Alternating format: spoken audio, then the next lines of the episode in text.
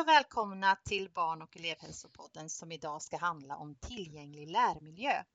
Och vi som sitter här är jag, Jessica Willner och Marianne Andersson. Och vi ser behovet av en ökad medvetenhet kring anpassningar och en tydlighet just i den fysiska miljön. Och för att berätta mer om detta så har vi bjudit in våra kollegor Caroline Berg, Ulrika Andersson och Ingela Ringqvist som är specialpedagoger på Centrala barn och elevhälsan. Välkomna alla tre. Mm. Tack. Tack. Tack så mycket. Om vi nu börjar med begreppet tillgänglig lärmiljö. Vad betyder det och när började vi använda det just i den pedagogiska kontexten? Jo, när vi pratar om tillgänglig lärmiljö så brukar vi använda oss av Specialpedagogiska skolmyndighetens tillgänglighetsmodell. Det är en modell som är utformad som en triangel där de tre hörnen består av fysisk miljö, pedagogisk miljö och eh, social miljö. Där alla tre delar är lika viktiga och behöver samspela med varandra för att skapa de här förutsättningarna för barnen att de ska ske lärande, hälsa och utveckling. Och eh, när vi ser på den pedagogiska miljön till exempel så kan det handla om hur vi arbetar språkutvecklande att vi använder oss av visuellt stöd eller tecken som stöd. Och det faller ju inte fullt ut om vi har en fysisk miljö som inte är optimal. Till exempel en ventilation som låter eller vi har eh, klockor som tickar. Det kan medföra att barnen har svårt att uppfatta vad som sägs och det kan ta mycket kraft och energi. Det kan också vara svårt att se det visuella stödet i en rörig och ostrukturerad miljö med mycket saker på väggar. Om vi ser till den sociala miljön då så handlar det om att möjliggöra delaktighet och gemenskap mellan barnen men också relationen mellan barnen och de vuxna. Miljön behöver vara tillgänglig för alla barn och inspirera dem till lek och samspel. Och jag tänker att det här begreppet är ju vi vana vid att höra er prata om och vi börjar också prata om det ganska mycket själva när vi möter pedagoger. Men hur tycker, eller hur upplever du det här begreppet? Är det tillgängligt så att säga för, för pedagogerna där ute? Är det lättbegripligt eller vad är din upplevelse? Eh, jag tycker att vi i Norrköpings kommun har börjat få det här ett vedertaget begrepp och att man har en bättre förståelse när man tänker att de här tre delarna samspelar med varandra. Ja, vi kommer ju gå in mer och mer på det så det kommer bli begripligare också. Men det vi kommer att ha fokus på i det här samtalet angående tillgänglighet är ju den fysiska lärmiljön. Fast precis som ni sa, begreppet tillgänglig lärmiljö innehåller ju även det pedagogiska och sociala. Vi vill ju skapa en fysisk miljö på förskolan som ger goda förutsättningar för alla barns lärande. Vi vet ju i en barngrupp så finns det ju många barn med olika behov. Men precis som du nämnde Caroline så kan man ju lätt bli hemmablind. Det är svårt att upptäcka ljud som stör om man inte påverkas av dem själv.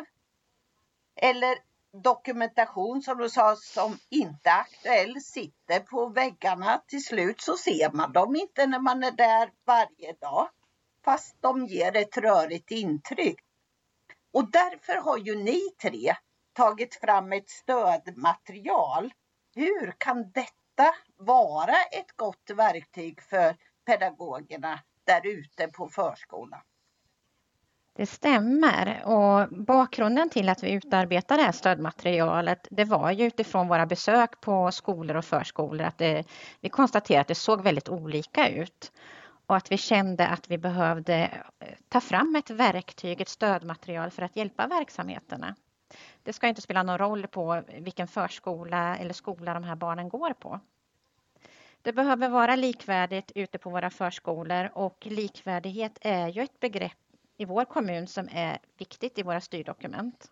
Vi började att ta fram ett stödmaterial kring tillgänglig lärmiljö utifrån våra grundskolor och anpassade skolor och fritidshem och det var 2018. Och sen fick vi i uppdrag då från ledningen att ta fram ett stödmaterial för våra förskolor och för gymnasium och anpassade gymnasieskolor, vilket gjordes 2019. Vi har ju varit igång ett tag nu och vi ser ju också och vi har fått stort intresse från andra kommuner som också har hört av sig kring hur vi har utformat det här stödmaterialet och har varit väldigt intresserade hur vi implementerar det och, vad det får för effekt. Ja, det stämmer och det är ju förstås jätteroligt. Vi tänker ju att ju mer tillgängliga lärmiljöerna är från början, desto mindre individuella anpassningar behöver göras. Och det minskar ju behoven för extra anpassningar och särskilt stöd. Lärande kommer ju inte av sig själv och de här tillgängliga lärandet blir ju inte av förrän man ser till de här tre delarna. I läroplan för förskolan, LPFÖ 18, framgår ju att miljön ska vara tillgänglig för alla barn. Och eh, den fysiska lärmiljöns utformning och organisation är ju viktig för att bidra till trygghet, till delaktighet, utveckling och lärande. Och som du sa Marianne, det finns alltid en risk att bli hemmablind och då är ju stödmaterialet ett bra verktyg att eh, luta sig tillbaka mot. Och jag vet inte om ni har tänkt att komma in på det senare, men när man pratar om den pedagogiska miljön i förskolan så har ju ibland man en färdig tanke med hur det ska se ut och jag vet ju att när jag möter förskolan att det kan krocka lite hur, hur vi tänker vad tillgänglighet är för oss, hur tillgängligheten är för de här barnen som behöver de här extra anpassningarna eller särskilt stöd. Har det varit något motstånd? Nej, vi tänker att det faktiskt inte har varit det, utan eh, det brukar eh, gå hand i hand och att det här är ju ett verktyg som är väldigt strukturerat och som gynnar egentligen alla barn. Utgångspunkten är ju egentligen att verksamheten ska använda sig av materialet i det förebyggande och hälsofrämjande arbetet. Och just att det ska skapa de här likvärdiga förskolorna och att miljöerna ska vara tillgängliga. Och att vi ser att det ska vara en del av förskolans systematiska kvalitetsarbete. Och då kan man tänka, hur? Kan ni berätta lite hur det här materialet kan bli ett gynnsamt verktyg för arbetslaget där ute på förskolan? Ja, det blir ju ganska strukturerat. Dödmaterialet består av tre delar. En del som handlar om den auditiva, alltså ljudmiljön. Del två handlar om den visuella miljön och del tre den pedagogiska miljön. Och det är ju också framtaget utifrån den forskning som finns inom området och också att vi har att förhålla oss till de lagar som finns. Här har vi ju skollag och läroplan givetvis, men vi har ju också FNs barnkonvention, arbetsmiljölagen som eh, pedagogerna har att förhålla sig till och Boverkets plan och byggregler. Sen har vi också diskrimineringslagen att ta hänsyn till. Och vi tänker också att vi utgår ifrån ett 0 till 20 års perspektiv. Så att barnen ska känna igen sig från förskolan och ända upp till gymnasiet. Vi pratar om det här med olika lagar och det är Boverket och byggregler och sånt. Har det varit svårt att liksom få till ett samarbete där på något sätt? För jag menar, vi har olika perspektiv i hur vi tänker. När man planerar för nya förskolor eller skolor där är det väl så Caroline när vi har kommit in att vi behöver ju samverka med flera andra partner för att vi ska få de här bra förskolorna som har en tillgänglighet för alla. Stödmaterialet är ju en del men vi ser ju också när vi har tagit fram det här materialet att vi behöver samverka med arkitekter och, och andra i kommunen som också bygger och eh, tänker kring hur de här byggnaderna ska se ut och vad som ska finnas i dem. Men jag tänker, hur och när ska man använda det här materialet? Ja, vår rekommendation är ju att förskolorna gör en lärmiljörond varje läsår och då går man igenom förskolans alla loka lokaler, såväl inne som utomhus. Det är tydligt upplagt och innefattar checklistor och utifrån det så gör man ju en handlingsplan och där framgår det också tydligt vem som har ansvar för de här åtgärderna. Så vi upplever ju att förskolorna tycker att det är ett användbart eh, verktyg. Och att många förskolor har ju blivit inarbetade i det här nu och har lärmiljöronderna i sina årshjul. Sen håller vi också i fortbildningsinsatser kring tillgänglig lärmiljö. Men man har en handlingsplan. Många saker som kan man ju tänka på själv, tänker jag säkert som, eh, som personal som jobbar på förskolan. Men en del handlar ju om byggnaden. Vilket stöd kan ett arbetslag få stöd i att prata med fastighetsägaren och så vidare? Eller hur ser det ut kring de åtgärderna? Jo men absolut att vi hjälper rektor i de delarna också. Sen pratar man ju idag i samhället mycket om att NPF-säkra våra skolor och i vårt stödmaterial så har ju vi utgått ifrån tillgänglig lärmiljö för alla barn och elever. Det ska inte falla på att ett barn ska ha en diagnos för att få de anpassningarna de har rätt till. Om vi tänker förskolan så är det ju små barn och de har ju heller inte hunnit få en diagnos. Och innan vi ens tänker diagnos så behöver vi ju analysera våra lärmiljöer. Det är små barn och de har heller inte hunnit hitta strategier för att hantera olika situationer. De behöver stöd med det här. Och jag tänker de här åtgärderna, de här checklistorna, det blir ju verkligen hjälpsamt för alla barn. Precis som ni brukar poängtera. Men vad är det som ni ser som faktiskt gör skillnad? Ja, men vi kan se stor skillnad när förskolorna arbetar med sina lärmiljöer på de förskolor som använder stödmaterialet. För det, oftast vet man inte riktigt var man ska börja någonstans. Man behöver ett stöd i vad är det man ska se på, vad är det vi ska lyssna till och så vidare. Och vi ser också även de förstås de som både har haft använt stödmaterialet och gått fortbildningen. Att små saker gör stor skillnad man har ett förhållningssätt och ett arbetssätt som främjar barns lärande och utveckling. Man får syn på vad det är man ska ta bort och sanera för någonting. Det var som Caroline sa här, det kan ju innebära till exempel att använda sig av tecken som stöd eller visuellt stöd. Men är det en väldigt bullrig eller dålig akustik på den här förskolan så, så märker ju vi när man har fått den här mer en eh, förståelse för vad är det man ska titta på i de här lärmiljöerna, att göra det mer tillgängligt. Det är ju också att de, eh, vi ser också att det gör skillnad i att det innebär tids och resurs, resursbesparande också för pedagogerna ute på förskolorna. Oftast när vi kommer ut är det kanske till ett enskilt barn men här är det ju mer tillgängligt för oss allihopa, även för pedagogerna som jobbar på förskolorna. Att det blir en, mer, en bra miljö för oss allihopa. Det är väldigt roligt att ta del av den här processen som förskolan är i då, när vi finns där och jobbar tillsammans med dem kring den här tillgängliga lärmiljön. Vi märker att det blir skillnad när de får tid att samtala, lyssna på varann. Det skapar en samsyn kring vad är tillgänglig lärmiljö? Hur behöver vi ha det på vår förskola? Del kan mycket, en del kanske inte kan någonting. Jag tänker att det är viktigt att arbetslaget eller hela förskolan som vi ser behöver vara involverade. Då vi ser att det gör skillnad.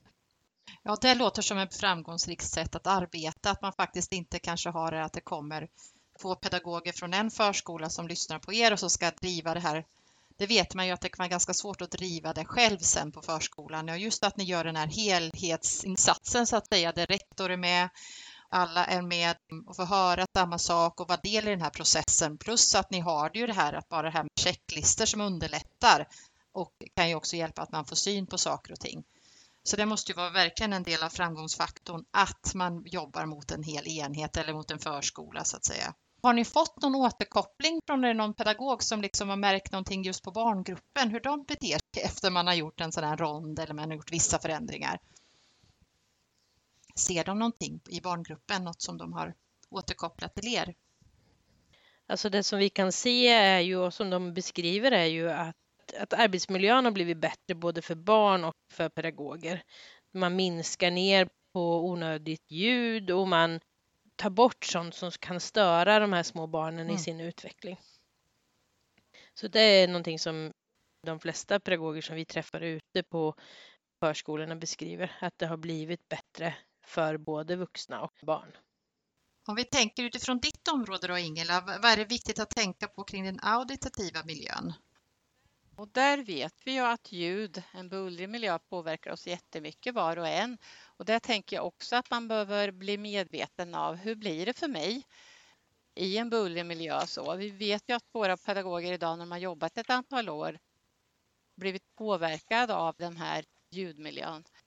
Och vi vet ju också att barn har ju varken färdigutvecklad syn eller hörsel.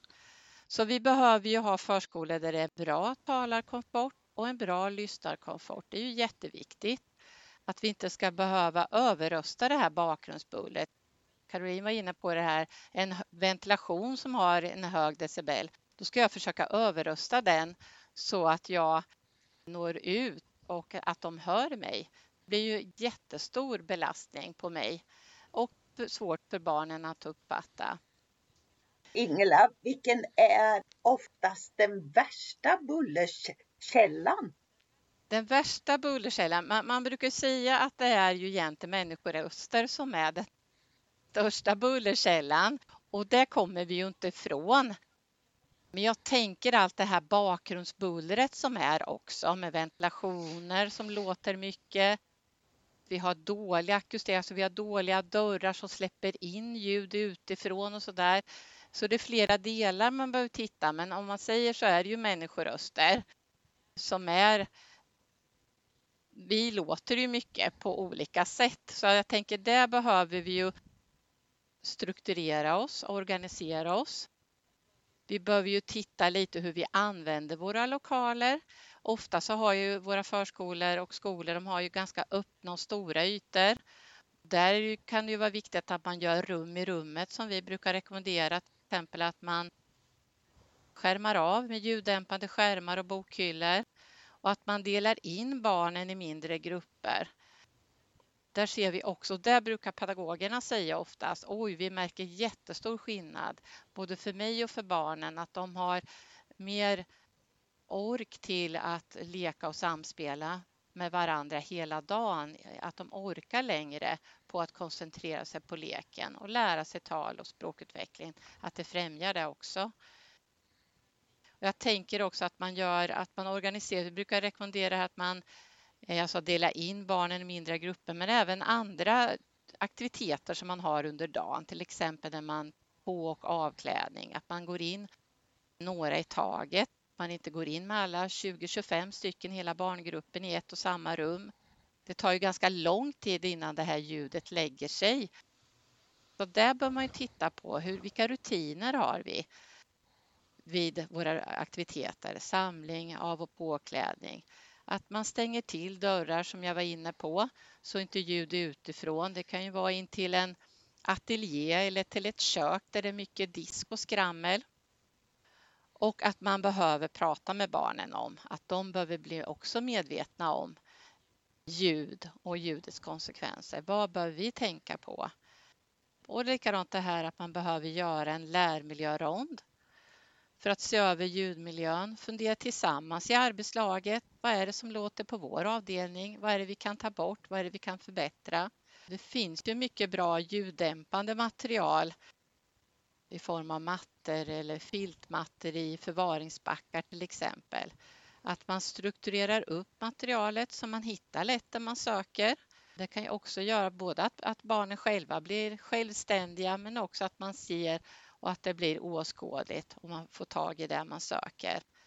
Annat bullerkälla är ju också det här, det kan vara belysning som låter mycket men det kan ju också vara ljud som vi själva gör i form av nyckelklippor eller någonting annat. Man kanske inte tänker på det. Men där bör man också se lite vad det är vi behöver ta bort och sanera. Och när du säger det här med ljudkällor Ingela, för det tror jag det är så här saker som vi, är man inte känslig så är det inte alls säkert att man reagerar på det för att det kan ju vara att inte alla hör det. Så jag tänker att det är viktigt att man är flera som kan gå en sån här ljudmiljörond för att vi hör olika saker och vi är känsliga för olika saker. Ja men verkligen så är det ju. Och våra barn är ju också olika känsliga mm. för det. Och ibland kanske man inte tänker på att det är ljud de är känsliga mot. Man kanske tänker att det är något annat som det här barnet har ont i magen för eller inte kan komma till ro och inte kan komma in i leken med, med sina kompisar och sådär. att det är mycket bakgrundsbuller som hela tiden påverkar en. Både på att hålla fokus och koncentration. Man kanske tänker på att, att inte barnet vill vara med, delta på samlingen eller vad det nu kan vara för en aktivitet. Och bullret vet jag påverkar barn på olika sätt, men för en del så påverkar det mer. Så där tänker jag att det är hjälpsamt om man tar bort det här som ligger där och stör oss för samspel bland annat.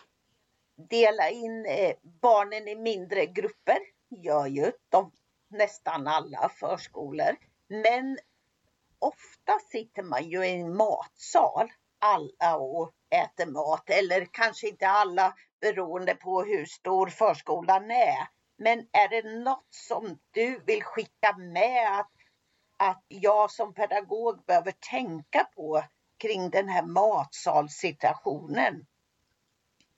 Ja, jag tänker att de gör mycket bra då, att de sitter eh, mindre bord, att man inte sitter så många vid varje bord och att man har sådana rutiner vid matsituationen, att man pratar lite mer dämpat. Är det så att man behöver gå och hämta mat kanske man också kan samordna det. För just när man rör på sig i lokalen så skapar ju det ljud. Att man har inventarier som är ljuddämpade, bord och stolar som inte ger skrapljud ifrån sig. Det tänker jag också kan göra mycket. Men även en matsal kan man ju göra rum i rummet. Att man har de här golvskärmarna eller draperien eller på något sätt liksom dämpar. Mindre barn har ju svårt att hålla fokus på, på mat och på sin måltid om det är eh, mycket som händer runt omkring i det här stora rummet. Så kan man på något sätt skärma av eller att man sitter i mindre enheter så är det ju jätte... Det är också en trevlig stund där man ska liksom kunna höra och samtala vid maten. Akustiken blir så jobbig så att man knappt hör varann. Då måste man ju dämpa det så att man, man kan höra varandra.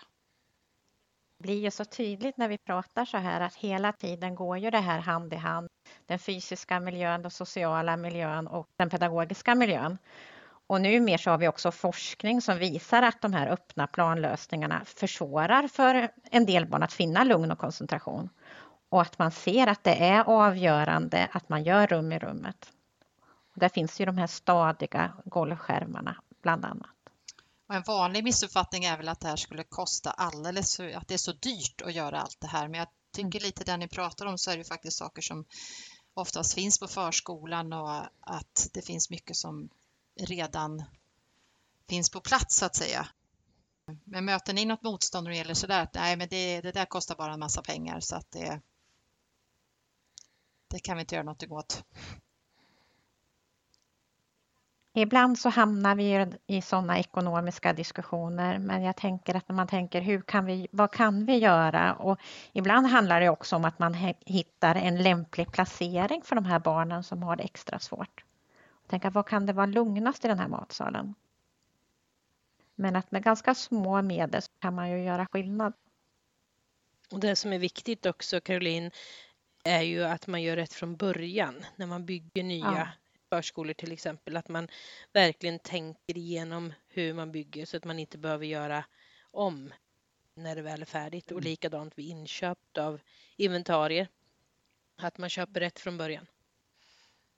Precis, för det ser vi ju att ibland det blir ju både kostsamt och det tar också väldigt mycket tid.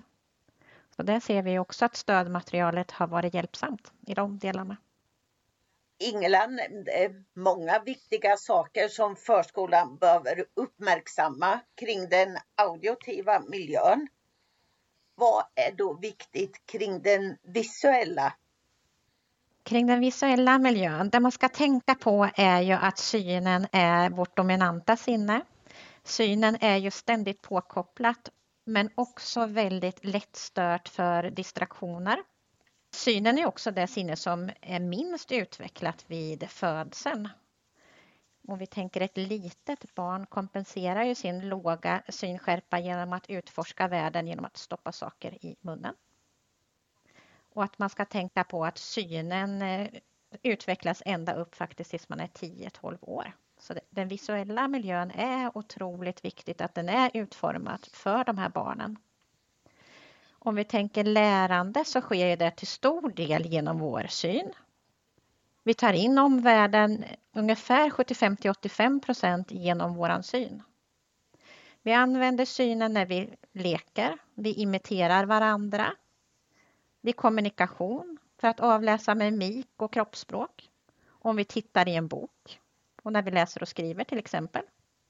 Och därför är det ju så otroligt viktigt att man som pedagog är medveten om den här lärmiljöns betydelse för att skapa de här rätta förutsättningarna för exempelvis lek och samspel. Och också det som du var inne på Ingela, att vi behöver inta barnets perspektiv och se vilka synintryck har barnen? Vad finns på väggarna? Ibland är det mycket saker på golvet, i taket, kan hänga mycket saker i miljön. Det kan vara intryck mellan rummen och det kan också vara synintryck utifrån våra fönster. Och för en del barn så blir det väldigt svårt att hantera en miljö om det finns mycket saker överallt. Och många barn har ju svårt att sortera bort de här onödiga synintrycken. Saknar det där filtret utan de tar in all syninformation. Och då blir ju miljöerna både röriga och också rörliga för barnen är ju ständigt i rörelse. Det kan bli utmanande. En del barn reagerar med att de inte kommer till ro, får svårt med fokus och koncentration. Kanske springer omkring och kanske en del till och med försöker signalera att de har svårt att hantera sin miljö genom att bli utåtagerande. Medan andra barn faktiskt blir dagdrömmare eller går undan, orkar inte med leken. Jag tänker på när du pratar om miljön. Vi vill ju också att det ska vara en inspirerande miljö som leder alltså till kreativitet och till lek och så vidare. Jag kan ju tänka eller tycka själv att gränsen är ju svår där, för det ska ju inte bli sterilt, men det ska inte bli rörigt. Vad tänker du Caroline? Vad, vad vill du skicka med till, till pedagogerna kring att ändå få en, en tydlig miljö som ändå är kreativ? Ja, jag tänker att det här är jätteviktigt att vi absolut inte ska ha några sterila miljöer. Men det behöver finnas en medvetenhet hur vi organiserar miljöerna. Det ska ju vara så att det skapar nyfikenhet och vi vill att det ska bli en utforskande miljö. Men ta bort det här visuella bullret och tänka på vad har det för syfte det här? Och om vi tänker att vi har ett visuellt stöd, då behöver ju det sitta där det blir hjälpsamt för barnen och att det inte kan vara hur mycket som helst på väggarna då till exempel. Så tydliga och strukturerade miljöer och ta bort onödig synstimuli brukar vi prata om. Ibland handlar det också om att det kan vara glaspartier som i sig kan vara utmanade och då kan man behöva göra en frostning ner till. Ibland kan det också vara mycket saker som sker utanför förskolan. Och då kan man också behöva frosta del utav fönstret. Och det du sa det här med att man ska fundera på vad syftet är med det som vi ändå sitter på våra väggar eller där vi har det. Det tänker jag är bra att ta med sig. Man kan ju ibland komma till förskolor eller skolor där det sitter post-it-lappar och det är vattkoppor och det är alfabet i alla väggar. Att man tänker att vad behöver synas och vad är det som är aktuellt just nu? Så brukar det liksom vara ett hjälp. Ska man ha dokumentation på alla väggar eller hur tänker du där? För vi pratar mycket om just en pedagogisk dokumentation eller aktuell information till vårdnadshavare. Hur ska man tänka vart man placerar den här dokumentationen i så fall och hur gör man så att det inte blir visuellt buller? Det kan vara lite olika beroende på hur förskolan är utformad och hur organisationen ser ut. Men man behöver tänka på att det kanske är i alla fall är en vägg som inte har allt för mycket information. Och ibland så kan man ju ha saker i pärmar också och kan gå efter det. Och något som är väldigt bra är ju när man gör de här lärmiljöronderna att man tar undan till exempel och rensar lite. Så att vi inte både har både påsk och jul och sommarteman framme samtidigt. Det är lätt hänt Vi brukar ju också säga att, att om det är en förskola som har fyra eller fem avdelningar att de går in och hälsar på varandra på avdelningarna och tittar lite. För man blir ju som vi sa inledningsvis, man blir lite hemmablind. Men man kan ju också göra en sån där eh, hälsa på och se lite, ja men här har de tänkt på det här sättet och man kan lära sig mycket av varann. Dela, ge varandra tips och idéer. Och det som är viktigt är ju att hushålla lite med energi, att de ska orka med sina dagar på förskolan. Caroline, ja, något som jag tänkt på också när man är en del förskolor är nybyggda och en del är gamla, ni vet och så vidare. Mm. Det är belysningen. Att det kan vara så stor skillnad på våra förskolor. Och vad är viktigt att tänka där man inte är ny, nybyggd förskola med god belysning? Så bra att du lyfter den saken Marianne, för att det här med att ha tänd belysning är ju grund. Det handlar om att de här små barnen behöver kunna se ansiktsuttryck och mimik och även tecken som stöd. Men också handlar det om att stötta barnen med att hålla koncentration och vakenhet och reglera dygnsrytmen. Så en fördel är ju om man kan reglera belysningen genom dimbar belysning. Sen är det långt ifrån alla förskolor som har den möjligheten. Men en jämn allmän belysning är att föredra. Sen kan man behöva komplettera det med platsbelysning. Men vi bor också i ett land där vi har olika krav på belysningen. På vintern är det ganska mörkt och man behöver ju tänka på att tänt extra mycket då. Så det skiljer mycket. Och de här delarna som jag pratat nu om finns ju då som en checklista i stödmaterialet.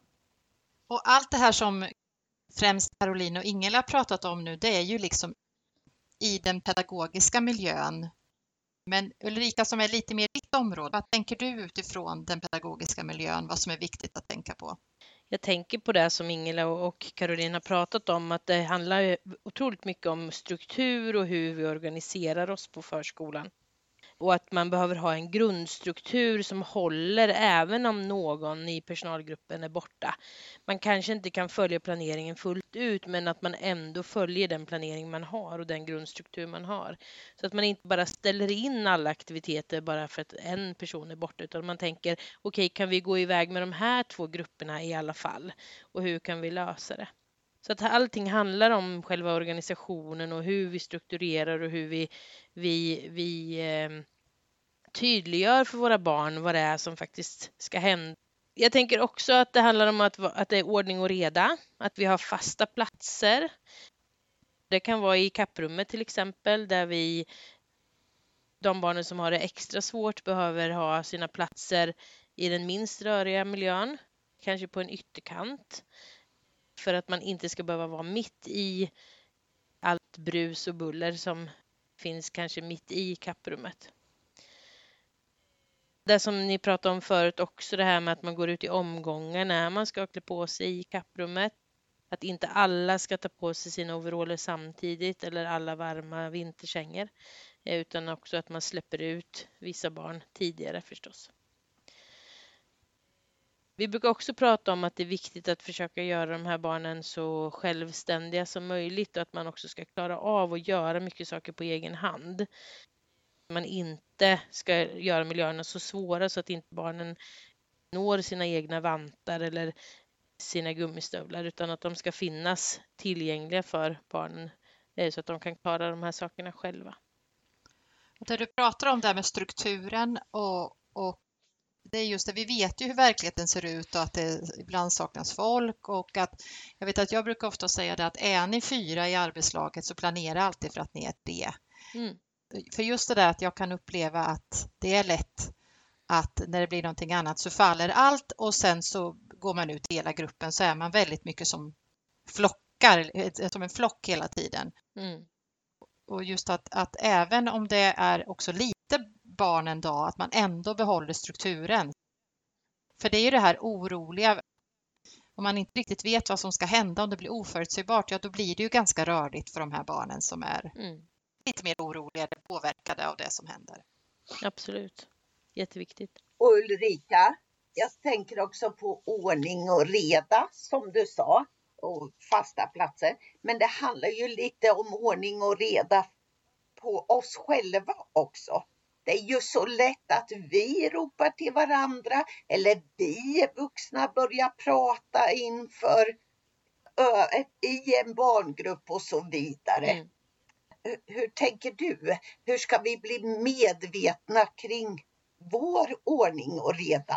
Ja, det där ser vi ibland på, ute på förskolorna att man har, man har ganska mycket ordning och reda på aktiviteter som gäller barnen men sen när man tittar på bland personalens saker så är det inte alltid lika mycket. Det hänger kanske sju jackor precis när man kommer in och, och det är, ligger nycklar och telefoner och, och pärmar står framme och så att det ser väldigt rörigt ut på själva den delen så. Men jag tänker att man om man blir medveten om hur faktiskt den här fysiska och pedagogiska miljön påverkar barnen och också man själv som pedagog så, så har vi i alla fall sett när vi är ute att, att många detaljer eh, som pedagogerna ändrar på faktiskt kan göra stor skillnad. Så jag tänker att det är viktigt att titta på utifrån och så som Ingela sa också, använd kollegorna till, kan ni komma in och titta på den här, våran lärmiljö här och se vad ni ser? ser ni, vad ser ni för positiva saker och vad ser ni för saker som vi skulle behöva ändra på?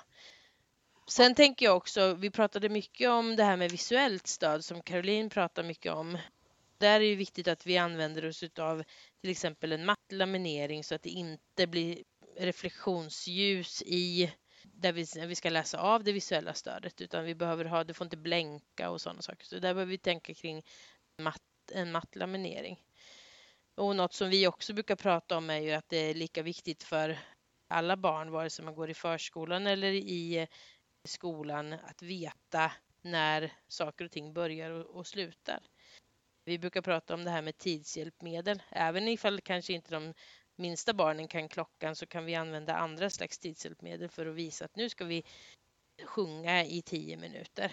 Så, så antingen vänder vi på ett timglas eller ställer en, en slags klocka som vi kan visa och tydliggöra tiden för alla barn, vare sig man är ett år eller man är 18 år. Ja, det vet man ju verkligen att det är otroligt hjälpsamt att faktiskt veta när någonting börjar och att det också finns ett slut. Mm. Men det här med miljöer, eh, vi har ju varit väldigt mycket inne på den pedagogiska miljön inne. vad ser ni för goda exempel eller mindre goda exempel vad det gäller utemiljön? Har ni liksom grottat ner någonting i det? Ofta när vi pratar om det här med ordning och reda så tänker också pedagogerna oftast inne. Mm.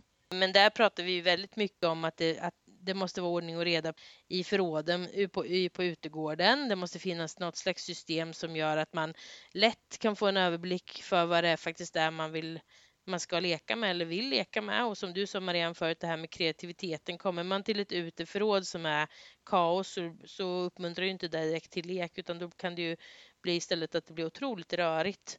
Eh, så lika viktigt med ute, utemiljöns eh, struktur och, och tydlighet som i den eh, miljön som vi har inne.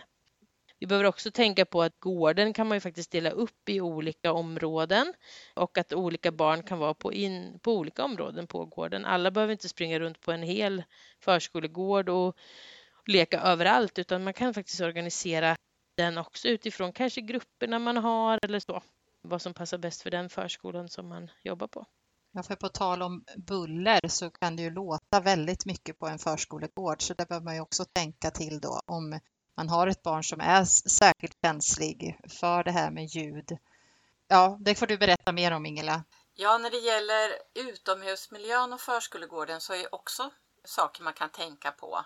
Där ser jag ju skillnad att de aktiviteter som låter mycket, till exempel om man spelar innebandy eller man har cykla runt, att man kanske har den här cykelrundan någon annanstans än där barnen som sitter i sandlådan och leker till exempel. Att man delar in sig lite mer i mindre grupper så att man får återhämtning och vila även utomhus. Och att vi vuxna också inte står i en klump utan att vi står på olika platser på, på um, förskolegården. Det gör också skillnad att man står nära barnen och pratar med dem och lyssnar. Eller går fram till barnen och säger att när du låter så här mycket så får jag jätteont i mina öron. Att man gör barnen medvetna om att vi inte behöver skrika till varandra utan att vi behöver komma nära när vi pratar med varandra. När det gäller utomhusmiljön så ser jag att man mer och mer ställer ut högtalare med musik och spelar ute på förskolorna eller på skolorna på skolgården eller förskolegården. Och jag tänker att man behöver vara försiktig med exponeringen av mycket ljud även utomhus. Visst, det är väl trevligt om man firar någonting, att man spelar musik och så, men just att man, att man gör det lite försiktigt och tänker på att man behöver skona öronen, att det måste finnas möjligheter för återhämtning och för ljudvila. Och utomhus är ju en sån plats där flera utav våra barn på förskolor kan få återhämtning och slippa och kunna stänga av allt ljud. Många av förskolorna ligger ju också i ett sådant område där det är mycket trafik, mycket bussar och annat ljud som pockar där bak och då är det också viktigt att man inte dessutom har en högtalare med musik som spelar. Det stör ju samspelt kommunikationen. Det är ju väldigt svårt att höra och uppfatta om man ska kunna höra vad kompisen säger. Så det är väl min rekommendation är ju att man gör det med en försiktighet så att det inte blir bara att man ställer ut den här högtalaren att, att musik spelar på varje dag man går ut på förskolegården. Vad tänker du Caroline kring utemiljön utifrån ditt perspektiv? Ja, vi brukar prata mycket om utemiljön och ibland så det kan det också se olika ut, men ibland kan man behöva märka upp eh, nivåskillnader för att underlätta det, för att barnen ska kunna träna motorik. Men just den här strukturen i förråden, det brukar ofta vara ett område alla förskolor kan utveckla. Också att det behöver vara belysning i förrådet, för vi har den här mörka årstiden på vintern. Och det här stödmaterialet, om man har det då framför sig så är det ju ganska omfattande. Men så vart kan man börja någonstans? Men jag tänker börja med att sätta in i stödmaterialet och titta på de här olika delarna och se vad är det för någonting som vi kanske behöver titta främst på. Och där kan man ju börja i det lilla. Man tittar i sitt egen eh, ateljé kanske. Titta vad, det är, vad finns det på väggarna där? Vad skulle vi kunna sanera där? Och så går man rum för rum istället för att tänka att man ska göra allting på en gång för det blir ganska mycket och många som uttrycker herregud, vi har ju jättemycket att jobba med. Men titta på det lilla och, och börja titta på vad faktiskt man kan göra direkt. Och som Caroline sa tidigare, inför en sommar eller inför att man ska börja på hösten igen så kan det vara bra att titta på hur, hur miljöerna ser ut för att man kan ta ner massor med saker, är vi övertygade om, som man har haft upp utav, ja, som har suttit kvar helt enkelt. Så börja med att intryckssanera, det brukar vi rekommendera. Om man tänker utifrån era besök som ni har gjort på många förskolor, vilka framgångsfaktorer skulle ni vilja lyfta fram?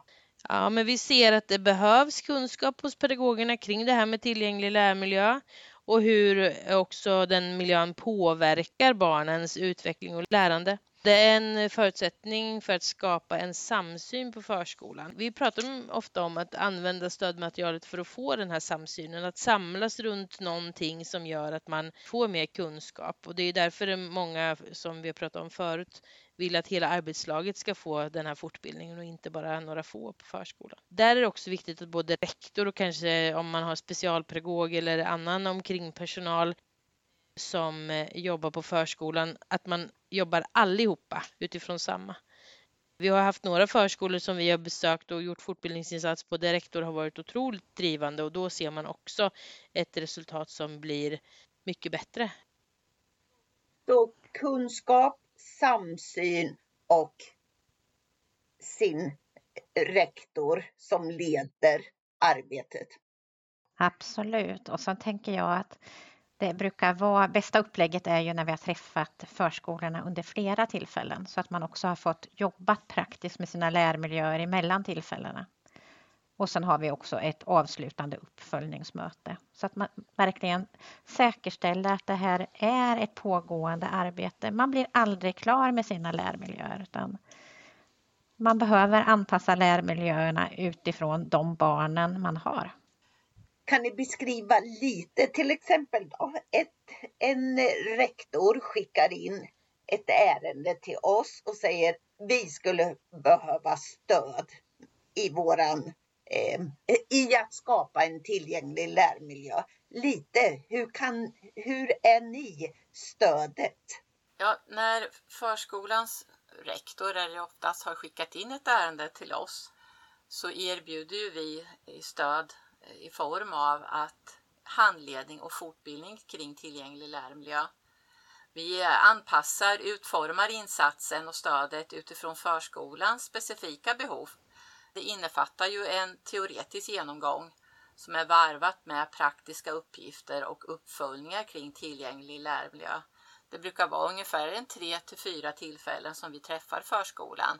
Vi ser också att när vi finns med i den här processen så gör det att det blir skillnad i stödet vi erbjuder. Att vi finns med och att rektorn också är med på de här tillfällena. Det ser vi också gör skillnad. Att det låter verkligen som att det, ni kan vara ett gott stöd till förskolor och till rektorer. Och vi vet att de här anpassningarna kan göra stor skillnad, stora som små. Men en fråga som jag brukar få ibland från pedagoger eller föräldrar eller det är det, hur ska barnet då lära sig om vi anpassar hela tiden? Ja, det är en bra fråga och den får vi också. Men vi brukar vända på det och säga så här, hur ska barnen kunna lära sig sakerna om vi inte skapar förutsättningar för att både hälsa och lärande och utveckling? Och vi behöver ju arbeta efter den läroplan och de lagar som finns och det är ju vi har ju en skyldighet att se till att alla barn ska få utvecklas så långt som det finns möjlighet för barnet och då behöver vi ju ibland göra anpassningar för vissa utav våra barn. Och det handlar ju om det här med likvärdighet också. Att alla barn har rätt att utvecklas så långt som det är möjligt. Ja, och att man också just samverkar med hemmet, samverkar med vårdnadshavare för att vi har ju också barn som just håller ihop sig väldigt bra under dagen, där vi inte märker den här utmattningen, men där föräldrar oftast kan berätta om hur trötta barnen är när de kommer hem och då behöver ju vi som förskola, vi behöver göra mer och inte tänka ja, ja, då är problemet hemma. Då är inte problemet hos oss. Och det vet vi att när vi börjar göra de här anpassningarna i den fysiska miljön eller hur vi strukturerar förskolan, när det blir mer tydligt så besparar det väldigt mycket energi hos alla barn. Men för det är ju så, de här anpassningarna är ju bra för alla, det har vi sagt, men för vissa barn är de ju faktiskt nödvändiga och det är vår absoluta skyldighet att vi ska göra så mycket och så långt vi kan så att de också ska, ska känna sig både kunna tillhöra och tillföra någonting i den förskola som de vistas i. Så hörni, tack, tack snälla för att all er klokskap och för allt gott arbete som ni gör för våra barn där ute. Tack, tack! Ett stort tack till er! Du har lyssnat på Barn och elevhälsopodden som produceras av Utbildningskontoret i Norrköping. Lyssna gärna på våra systerpoddar Språket med Lotta och Caroline och Utveckling och pedagogik med Kajsa.